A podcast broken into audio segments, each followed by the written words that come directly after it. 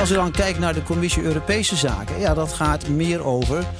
Daar is men vooral bezig met rechtsstatelijkheid en uh, ja, hoe slecht Polen en, uh, en Hongarije zijn. Maar weet je, maar, met, met, alle respect voor de Tweede Kamer, maar dit is toch gewoon een discussie die nergens op slaat. Ik bedoel, dan mis je toch gewoon, dan mis je toch gewoon, nou de twee de onderwerpen die je nu net ja, noemde. Ja. De wereld wordt totaal verbouwd op dit ogenblik. En dan blijven we hangen in discussies die we 30 jaar geleden ook voerden. Ik bedoel, ik, ik kan er met mijn pet niet bij.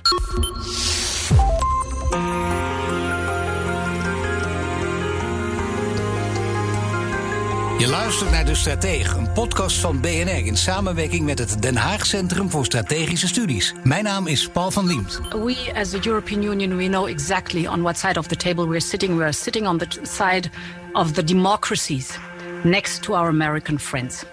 And uh, China is a systemic rival when it comes to um, the way they look at the individual and human rights.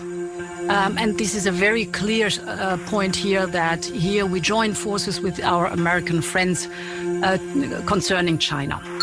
The wealthiest democracies have agreed on a plan to counter China's global influence. The first face to face G7 summit since the pandemic began has showcased a newfound Western unity. Day two of the talks in southwest England focused on holding back the rising power of authoritarian states such as China and Russia.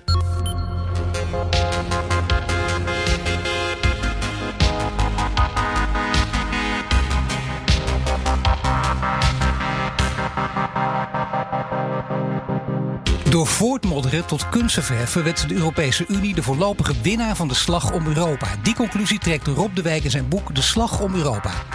Xi, Poetin en in het verleden ook Trump zijn de strijd met de Europese Unie aangegaan. Zelfs intern kwam de Unie door Brexit onder grote druk te staan. Allemaal te vergeefs, concludeert de wijk. Allemaal hebben ze een hoge prijs moeten betalen voor de toegang tot de Europese markt.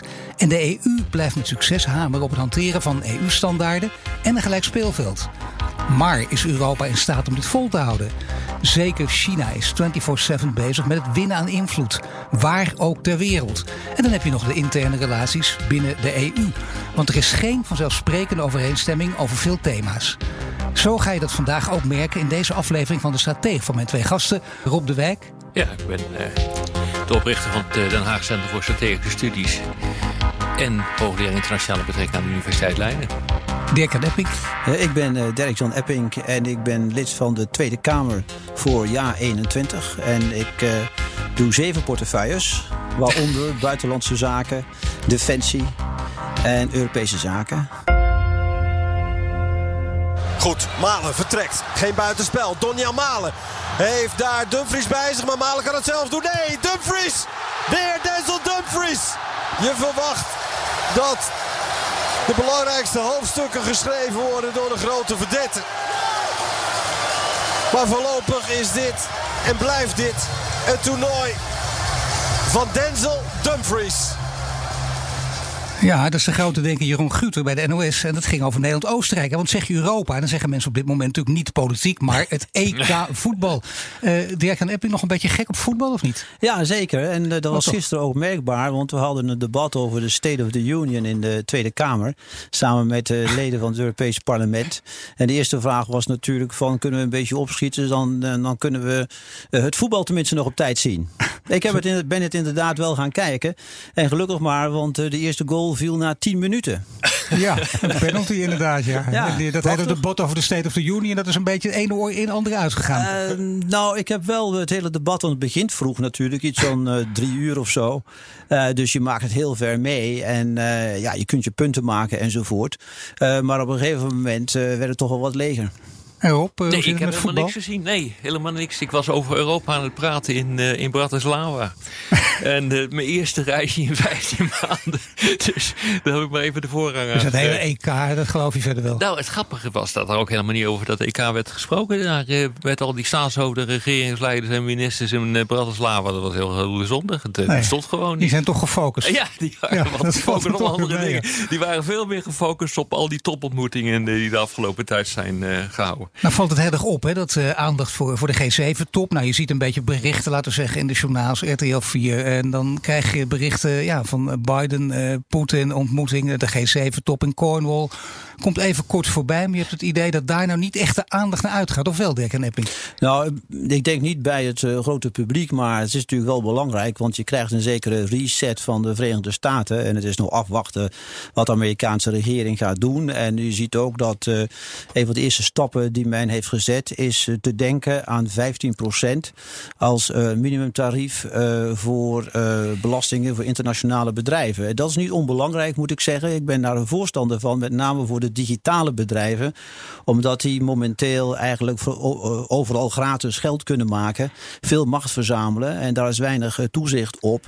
Uh, en je komt ook niet alleen te, maar heb je te maken met mededingingsregels, maar ook met uh, fiscale regels. En ik vind wel dat die bedrijven, Google, Apple enzovoort, de Big Four, om maar even een term te noemen, Big five, uit de dierenwereld. Big Four, dat zijn weer andere. Maakt niet uit hoor, maar ik snap wat je bedoelt. Om, om die in ieder geval te, te dwingen om belasting te betalen. Ja. ja volstrekt mee eens, maar ik vind het wel heel erg vreemd hoe weinig aandacht ervoor is geweest voor wat er gebeurt. Het is precies wat, uh, wat je zegt. Ja. Is, uh, er is een reset.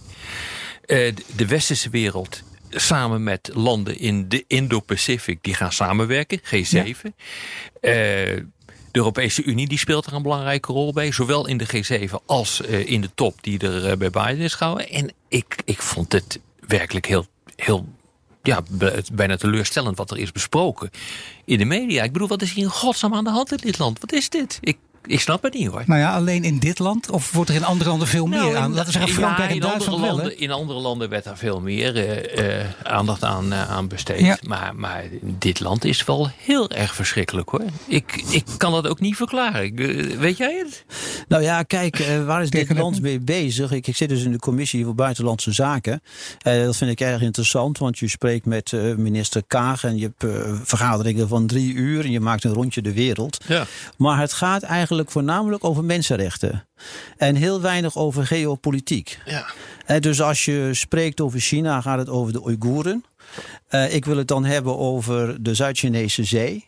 En vraag dan aan de Chinezen, hoe zien jullie de soevereiniteit daar? Ja. De Chinezen zeggen, nou die is van ons, dat is heel eenvoudig. En dan denk ik van ja, dan heb je natuurlijk toch een geopolitiek conflict. Dat, staat, dat gaat daar ontstaan. Ja. Uh, net zoals je dus uh, destijds 1963 uh, kernwapens op Cuba, dat was voor Amerika onaanvaardbaar. het NAVO-lidmaatschap voor Oekraïne zal zeker voor Rusland onaanvaardbaar zijn. En dat is een, een hard uh, geopolitiek punt voor China dat zij ook hard zullen gaan spelen. in Europa, en, en, en, er is een Nederlands schip, een Nederlands vergat, op weg naar die Zuid-Chinese ja, zee, om daar met de Amerikanen en de Queen Elizabeth, het, het nieuwe ponkjuweel van de, de, Britse vloot, om daar Freedom of Navigation operaties uh, te houden. Is daar trouwens ooit over gesproken in het parlement? Uh, nou ja, ik, heb, ik, stel, ik stel steeds die vraag. En ik, ik vraag. Als enige, als enige. Omdat, nou, nou, er komt geen antwoord. Dat, dat, dat komt omdat het, met, het, het gaat voortdurend eigenlijk over mensenrechten ja. in waar ook ter wereld. Nou, ik, ik heb daar respect voor.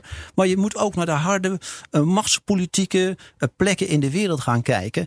En dan zegt Nederland van, uh, nou ja, dat de, de toegang tot, die, tot de Zuid-Chinese zee wordt bepaald door internationaal recht, hè, vrije vaart enzovoort. dan zeg ik, ja, dan hoop ik dat de Chinezen dat ook zo zien. En dan zegt de Westen, ja, dan hoop ik ook. Nee. Hoop ik dat ook. En dan vraag ik naar de Chinezen en zegt, nee, het is gewoon China. Het is Weet je waar er wel over China wordt gesproken? In de Europese Unie. Luister maar even. We as the European Union, we know exactly on what side of the table we're sitting. We are sitting on the side of the democracies next to our American friends. And uh, China is a systemic rival when it comes to um, the way they look at the individual and human rights. Um, and this is a very clear uh, point here that here we join forces with our American friends uh, concerning China. Ja, de Europese Commissievoorzitter ja. Ursula von der Leyen een paar maanden geleden over China. Maar uh, Rob, ik wil het vooral over jouw boek hebben met betrekking tot China. Want jij schrijft een citaatje, heeft dat de Europese Unie door het voortmodderen de aanvallen van mogelijkheden als China weet af te slaan. En noemt Europa dan de voorlopige winnaar ook van de slag om Europa. Hoe ben je tot de conclusie gekomen? Nou, kijk, omdat ik uh, mij. Kijk, ik, ik reis nog alles. uh, de afgelopen, nu, de afgelopen jaren. Nou, het, het begint weer. Maar ik ben veel in China geweest, veel in Rusland geweest, veel in Amerika geweest, kom veel in Brussel. Ik hoor eigenlijk als je in Moskou bent of in, in, in, in China, in Shanghai of Peking, eh, nooit grote klachten over de Europese Unie of de NAVO. Eigenlijk praat men daar gek genoeg wel met een enorm ontzag over. En ik heb het ook wel gevraagd van hoe kijken we er tegenaan? Ja, het is gewoon een blok. Het is gewoon één blok. Jullie praten, jullie... Eh, maar, ik zeg, ja, maar wij hebben allemaal discussies over... Uh, de vraag uh, of we sancties moeten opleggen. Of uh, hoe handelsakkoorden. En allemaal gedoe in Europa. Ja, maar uiteindelijk wat telt is dat jullie één besluit nemen. En bovendien, en dat is denk ik ook wel een eye-opener voor veel mensen. Je loopt aan als Xi, Poetin, maar ook Trump. Want die dacht ook, nou ik doe even zaken met eh, de verschillende Europese landen. Dat kan helemaal niet. Je loopt aan tegen wat we het communitaire beleid noemen van de Europese Unie. Alleen de Unie is gerecht om handelsakkoorden uh, uh, te sluiten. Dus, dus, de buitenwereld ziet ons als een wereldmacht. Het is ook veel beter voor de buitenwereld, ja. is makkelijker. Ja, en wij, dus zij zien ons als een wereldmacht. Uh, zij lopen aan tegen Brussel, die zegt van nou ja, handelsakkoorden prima, maar dan zou je wel moeten doen wat wij willen. Uh, die continue uh, connectie er ook wordt gelegd met mensenrechten. En handelsakkoorden worden dan gebruikt om dat voor elkaar te krijgen. Dus zij zien ons gewoon als een wereldspeler. En daar komt nog een keer bij. En dat vind ik ook echt heel interessant. Is we gaan naar een periode van grootmachtspolitiek. En alle grootmachten die wat te zeggen hebben in de wereld. Dat zijn allemaal nucleaire machten. En dat betekent dus automatisch dat het niet zo verstandig wordt om militair met elkaar op de vuist te gaan. Want dan, ja, dan slag je elkaar af en dan... Ja. Eh, dan de hele regio's veranderen dan in een radioactieve puinhoop. Omdat die, die oorlogen kunnen ontaarden in kernwapenoorlogen. Dus je ziet dat, er dan, dat dat instrument botter wordt. En dat het dan teruggaat naar geo-economie. Nou, laat nou de Europese Unie eigenlijk het handigste en het beste zijn en het sterkste eh, zijn op dat gebied. Ja. Nee, ik begrijp, dit is het verhaal van Europa. Ik ben toch heel benieuwd wat dan de eurosceptische Dirk en Epping daar tegenover weet te stellen. Ja, kijk, um, ik ben het, formeel heb je gelijk als je formeel juridisch spreekt. Uh, we hadden laatst een, een, een, een ontmoeting via de computer met Kevin Rudd. Kevin Rudd is de voormalige premier van Australië. Ja. Dat is wel buitenlandse zaken geloof ik ook, is een sinoloog. Uh, die heeft daar gewoond, die kent dat door en door.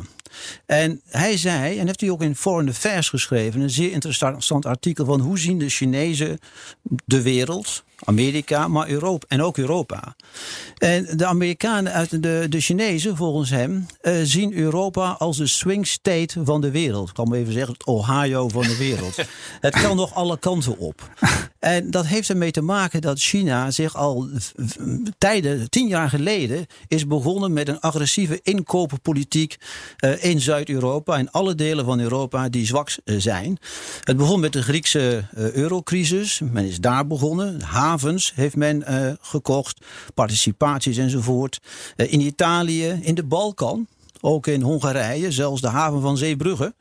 Uh, dus je ziet dat China is stilletjes bezig geweest om die macht ge, uh, geleidelijk te vergroten. Ja, het, gaat dan, beetje, en, het, gaat nu een beetje over hoe, hoe Europa zegt, nee, uiteindelijk hè, de buitenwereld is veel positiever over Europa dan wij over onszelf zijn in Europa. Ja, dus dat, je moet niet zo EU-kritisch zijn of Europa-kritisch zijn. Wat vind je daarvan? Nee, ik vind dat je zeker uh, uh, eurokritisch mag zijn. Je moet überhaupt kritisch zijn ten aanzien van alles.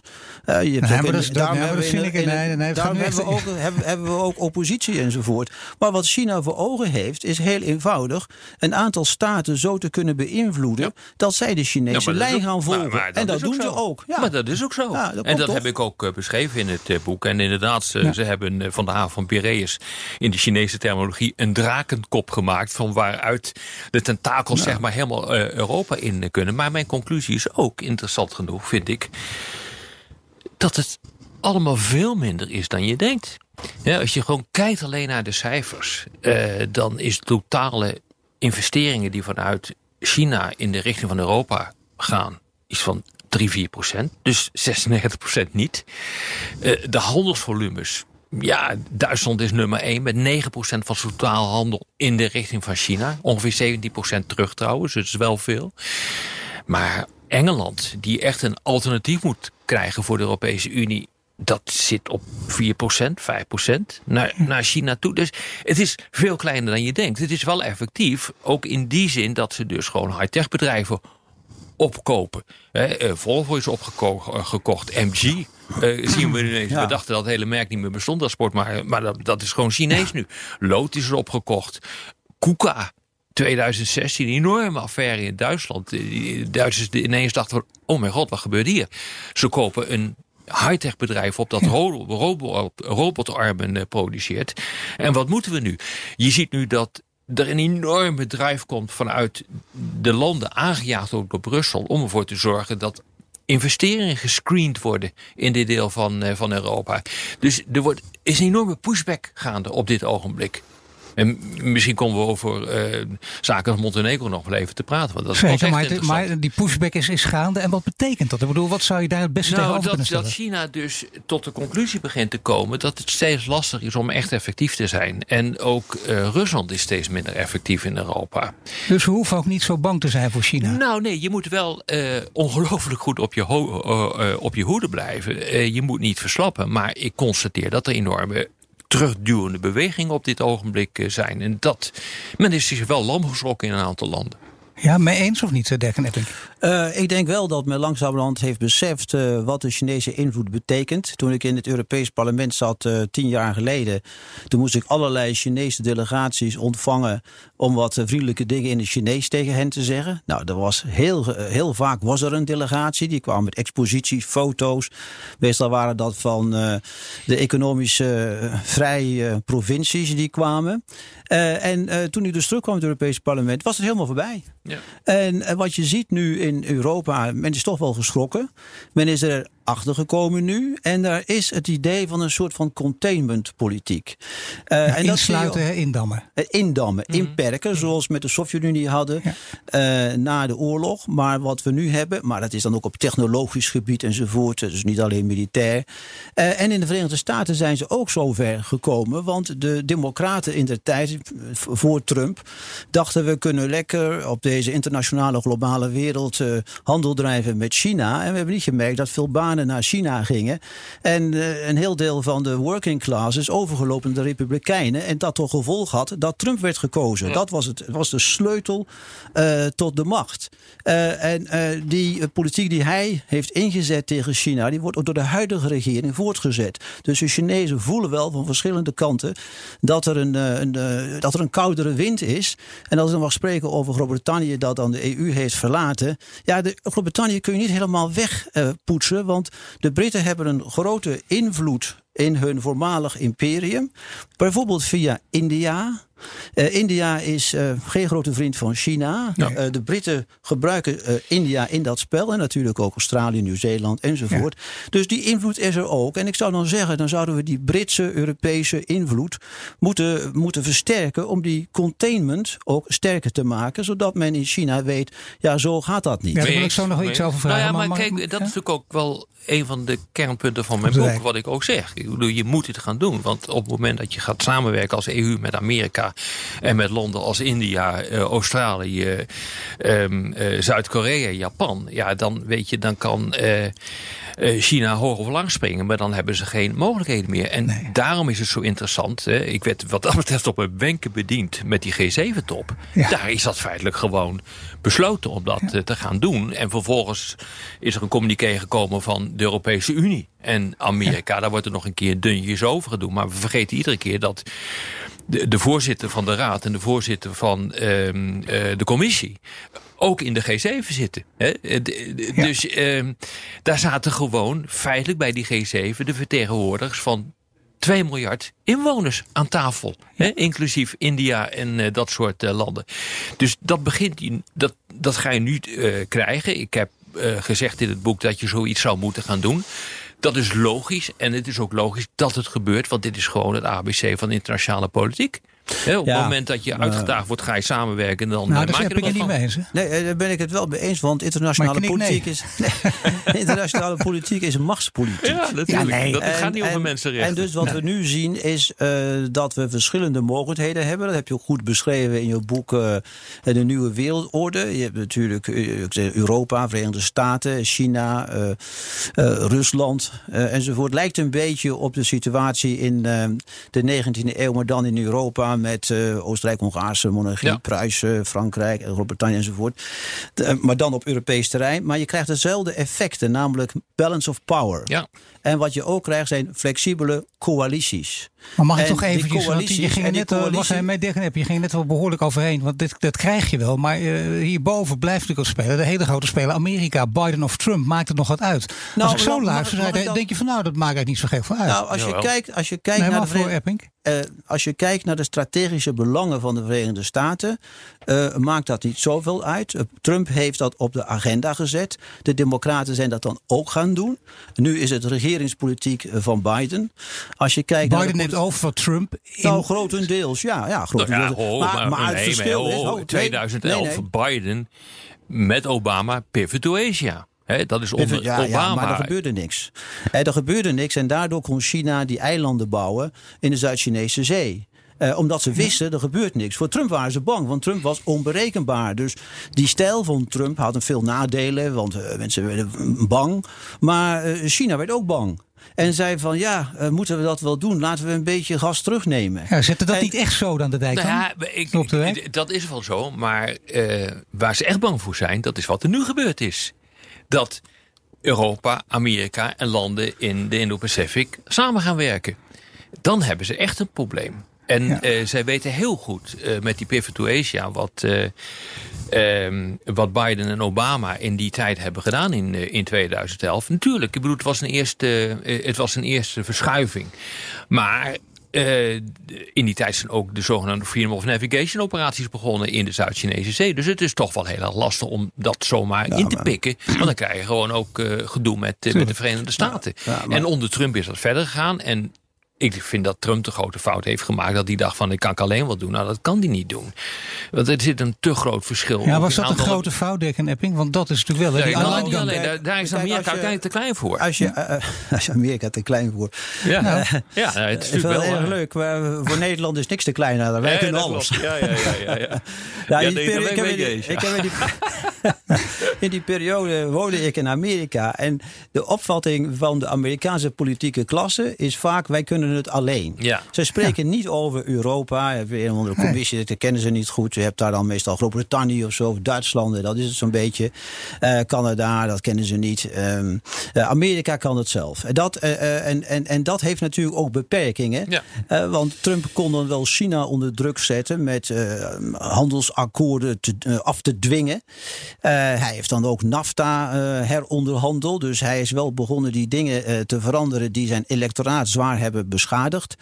Uh, maar Amerika is beter af met containment, met, met, uh, met uh, geallieerden, zodat in de tijd van de Sovjet-Unie was. Ja. En toen had je ook je hebt de NAVO, je hebt Europa, je had allerlei militaire bondgenootschappen om de Sovjet-Unie in te tomen. Dat was militair. En hier gaat het eigenlijk meer om economisch, om je eigen economie te beschermen tegen allerlei vormen van diefstal, technologie, diefstal, spionage en wat alles er mogen zijn. en dat, daarnaast eigenlijk die omgeving van China uh, te beschermen. Ja. Uh, dat die niet wordt uh, over, overheerst door China. Landen heb je ook een, ook een soort militaire macht voor nodig, met name. We praten ook over Europa natuurlijk, de slag ja, op Europa, nou, met name ja. in Europa.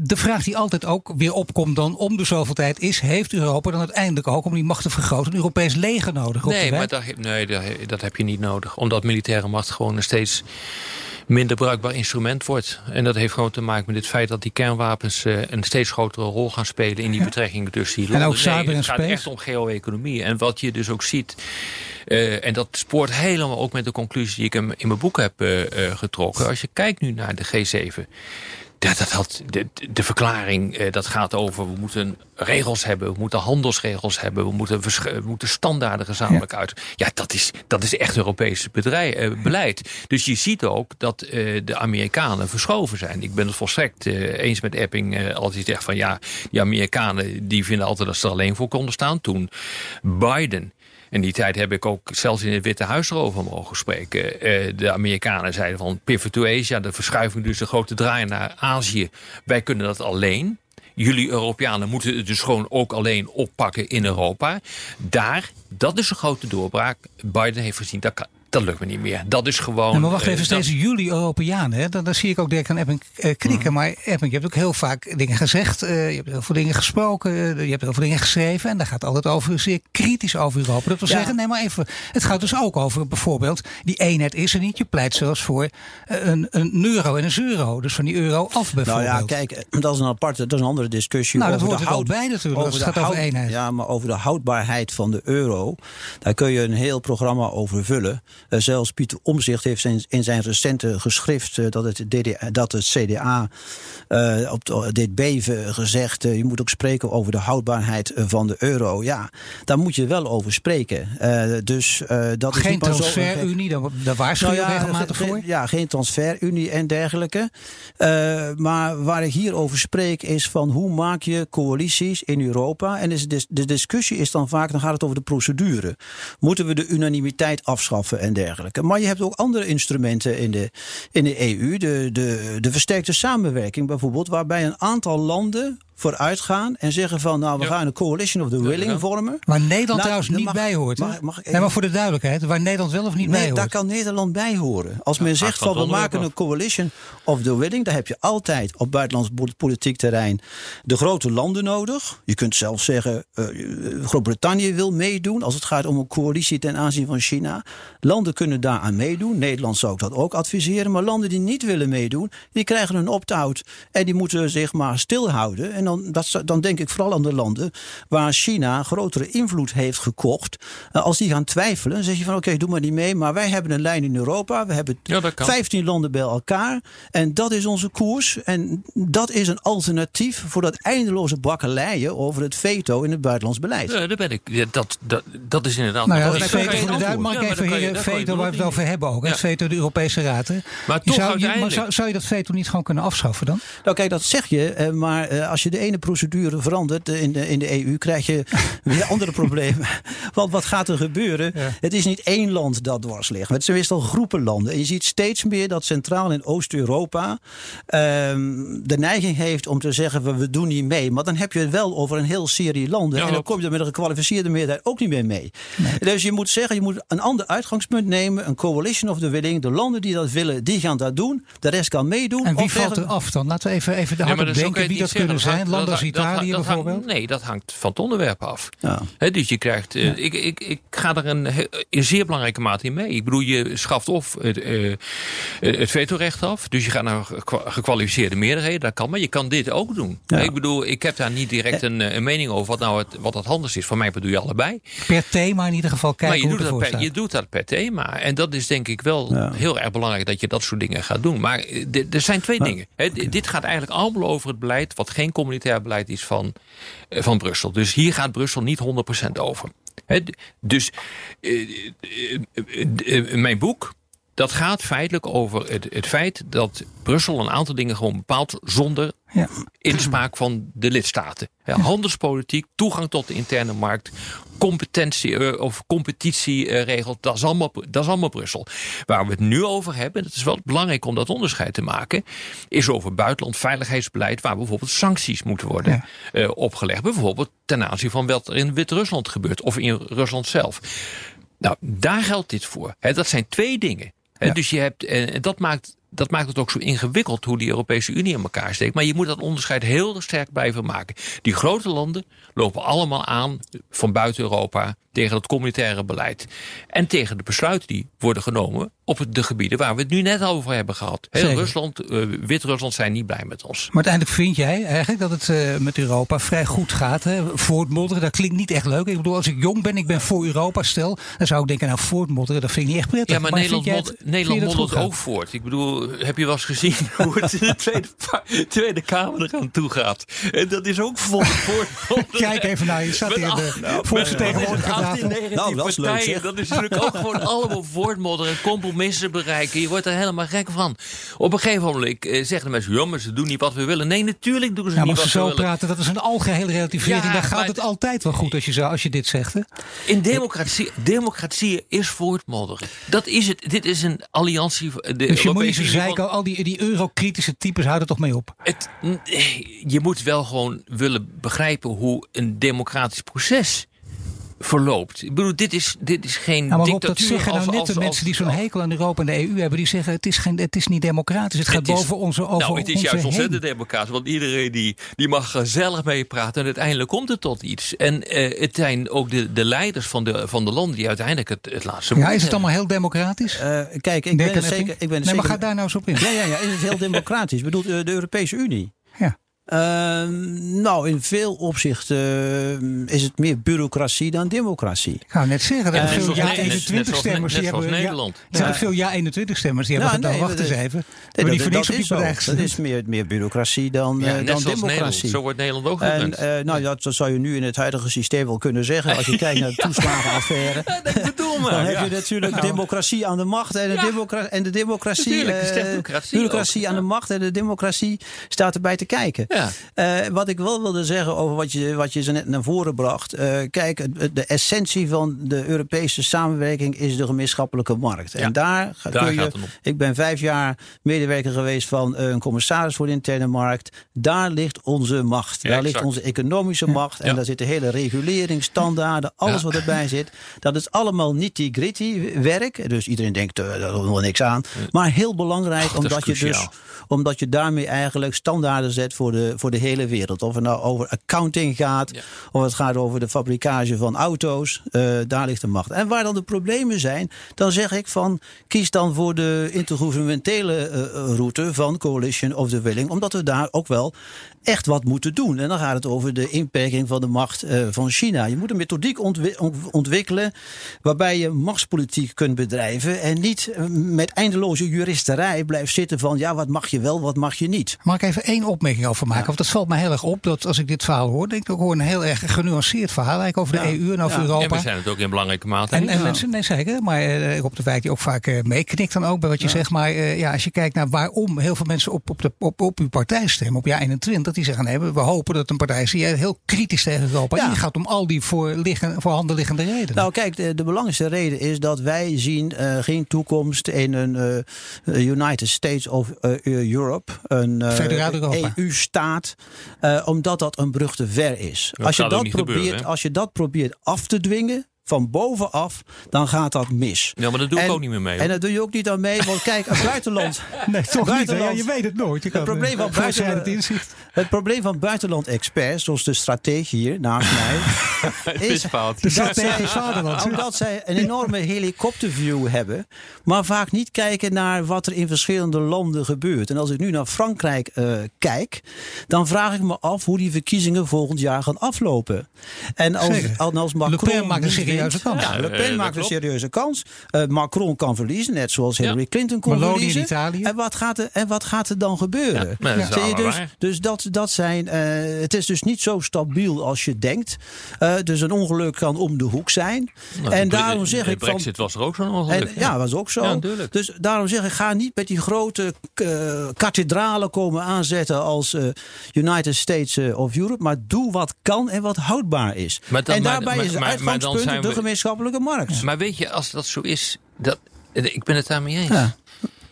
Maar waarom hebben we dat debat dan niet? Waarom versimplificeren we het? En waarom doden we het hele debat door te zeggen van... ja, maar we willen geen Europese superstaat, die wil, die wil ik ook niet.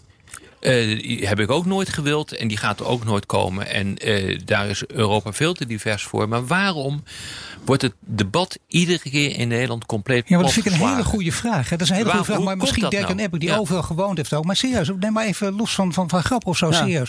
Hoe komt dat inderdaad? Dat ook op dit gebied enorme polarisatie. Nu zijn jullie met z'n tweeën lijken op één lijn te zitten. Terwijl ik zie je denkt, verschillen, maar gewoon genuanceerde verschillen. Als je ons kent, dat we diametraal tegenover elkaar staan. En dat is dus gewoon niet zo. Nee, nee, dat is... Omdat we nou een redelijk debat met elkaar hebben. Maar hoe komt ja, dan, Dirk en Ebbing, dat dat niet altijd kan?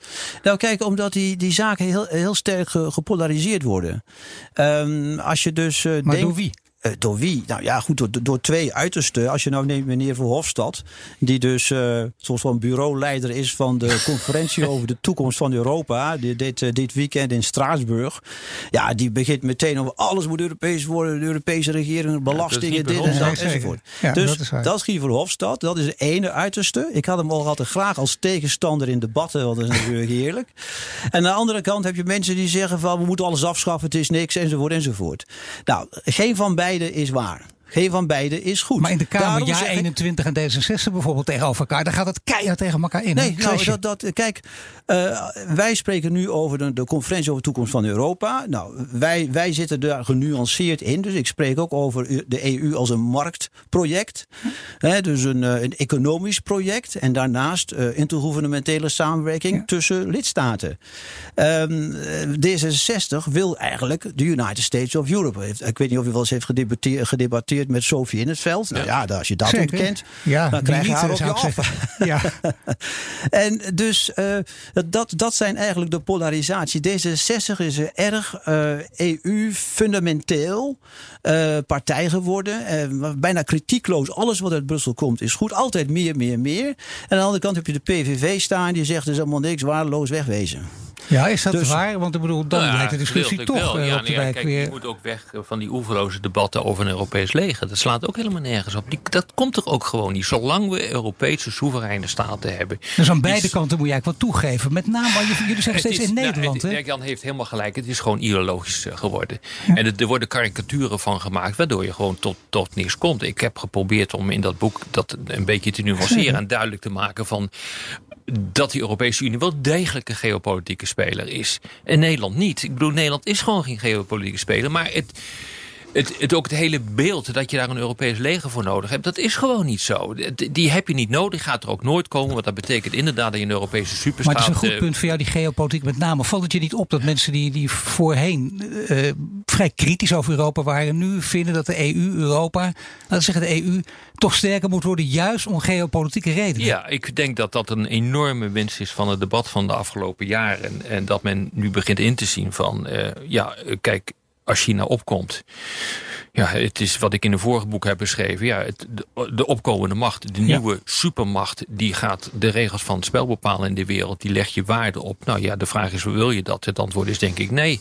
Omdat wij geen Chinese waarden delen. We zijn nog steeds een democratie. Maar goed om dit van Epping ook even te horen. Is, is dit, maar is het, kun je, nee, maar ik bedoel, de laatste jaren ook mensen die, die heel kritisch zijn. Om alle redenen nog steeds. Ja. Dat is genuanceerd. Maar om geopolitieke redenen steeds meer naar Europa, de EU neigen. Uh, het is inderdaad zo dat als je kijkt naar het, uh, de, de, concurrentie tussen de grote mogelijkheden, als ik het even zo mag noemen in met de Nigeriaanse zin, Zeker. Uh, dat je een, een, een, een machtsbalans moet hebben en dat Europa daarin een rol moet spelen. En mijn voorstel is via coalitions of the willing je macht te bundelen en je positie in te nemen en allianties aan te gaan met andere partners, noem Groot-Brittannië of noem de Verenigde Staten vooral natuurlijk. Uh, en op die manier zou dat goed functioneren, want dan kan China beter ingeperkt worden. Je hebt een grote portefeuille met heel veel specialisten maar erin. Maar dit, ik bedoel, deze paragraaf wordt geschreven door Dirk en Epping. Ook weer over een tijdje bij volgende verkiezingen. En misschien trouwens wel binnenkort maar wordt deze, En wordt deze discussie zoals je hem nu, ja. nu voert ook daadwerkelijk gevoerd in de Tweede Kamer? Uh, nou, niet in de, in de commissie Buitenlandse Zaken. Omdat ik, zoals ik al zei, dat gaat meer over mensenrechten. En als, maar dan kijk, en, en als je dan kijkt naar de commissie Europese Zaken, ja, dat gaat meer over. Daar is men vooral bezig met rechtsstatelijkheid en uh, ja, hoe slecht Polen en, uh, en Hongarije zijn. Maar weet je, maar, met, met, alle respect voor de Tweede Kamer, maar dit is toch gewoon een discussie die nergens op slaat. Ik bedoel, dan mis je toch gewoon, dan mis je toch gewoon, nou, de twee onderwerpen die je nu nu net noemde. De wereld wordt totaal verbouwd op dit ogenblik. En dan blijven we hangen in discussies die we 30 jaar geleden ook voerden. Ik bedoel, ik, ik kan er met mijn pet niet bij. Nee, het, is, het is, het is, ik, ik, vind, ik vind ook dat geopolitieke uh, onderwerpen eigenlijk uh, onvoldoende aan bod komen. Dus ik heb uh, ja, ook portefeuille defensie. Nou ja, het Europees leger heb je echt niet nodig, want we hebben werk al samen met, met Duitsland, met, met Groot-Brittannië, NAVO-partners enzovoort. We integreert, geïntegreerd commandostructuur, oh, ja. wat je no nodig hebt. dus dat is een beetje een zijdiscussie van de gelovigen die dat vinden, vinden dat dat er moet komen. maar als je uh, als Europa effectief wilt staan in de wereld, in alliantie met, uh, met andere mogelijkheden, ja, dan moet je uh, samenwerken op bepaalde gebieden. En ik zie een, een, een samenwerking tussen staten effectiever op dat gebied dan dat het vanuit het communautaire acquis zou moeten komen. Maar dat gebeurt ook niet, want in het verdrag is gewoon keurig vastgelegd. En, ja, en ik vind dat het communautaire... Waar, dat, dat dus, waar, het communautaire over gaat. Ja, en ik vind dus dat het communautaire moet gaan over, over de economische uh, kerndelen ja, dat van de niet maar dat staat ook gewoon in het verdrag. En Ja. je ziet dus... dus dat, gaat, dat, gaat, dat gaat over Nou, standaarden. ja, ja, dat gaat over standaarden. Dat gaat Nou, over, eh, over eh, gezamenlijke belastingen in de richting van andere landen. Ik bedoel, het gaat over handelsverdragen. En daar is ook... Maar dat is ook feitelijk de geo-economische macht die, Ja. de, die, eh, die, de, eh, die de Europese Unie heeft. Alles wat je wilt doen met groepen van landen of met gekwalificeerde meerderheden, dat gaat over landen waar Brussel niet volledig over gaat. Zeker. Ja, precies. Ik heb nog gewerkt in de oude eh, EEG. Zeker. Ja, ja, EEG. EEG. Ehm, En zo en jong nog, hè? begon, eh, eh, in de Europese Commissie eh, als stagiaire. Ja, dat was altijd praten over eh, harmoniseren van bepaalde producten, standaarden, eh, landbouwprijzen, alles en nog wat.